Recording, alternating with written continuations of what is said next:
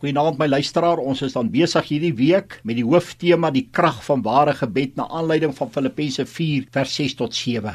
Hoekom moet ons bid? Omdat dit 'n opdrag van God is dat ons moet bid.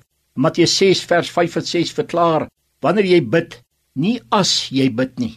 In 1 Tessalonisense 5 vers 17 verklaar: Bid sonder ophou.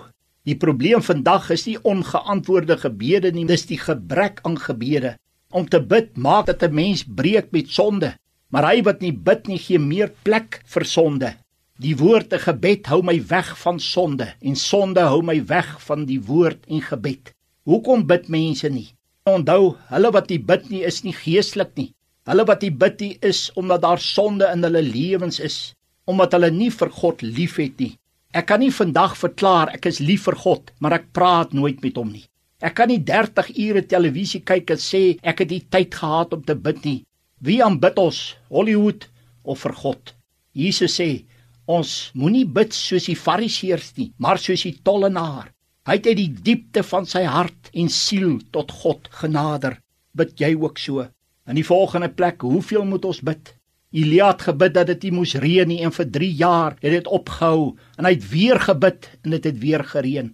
Elia het met een gebed die nasionale ekonomie van sy land tot stilstand gebring het ek en jy ook daardie krag wanneer ons bid?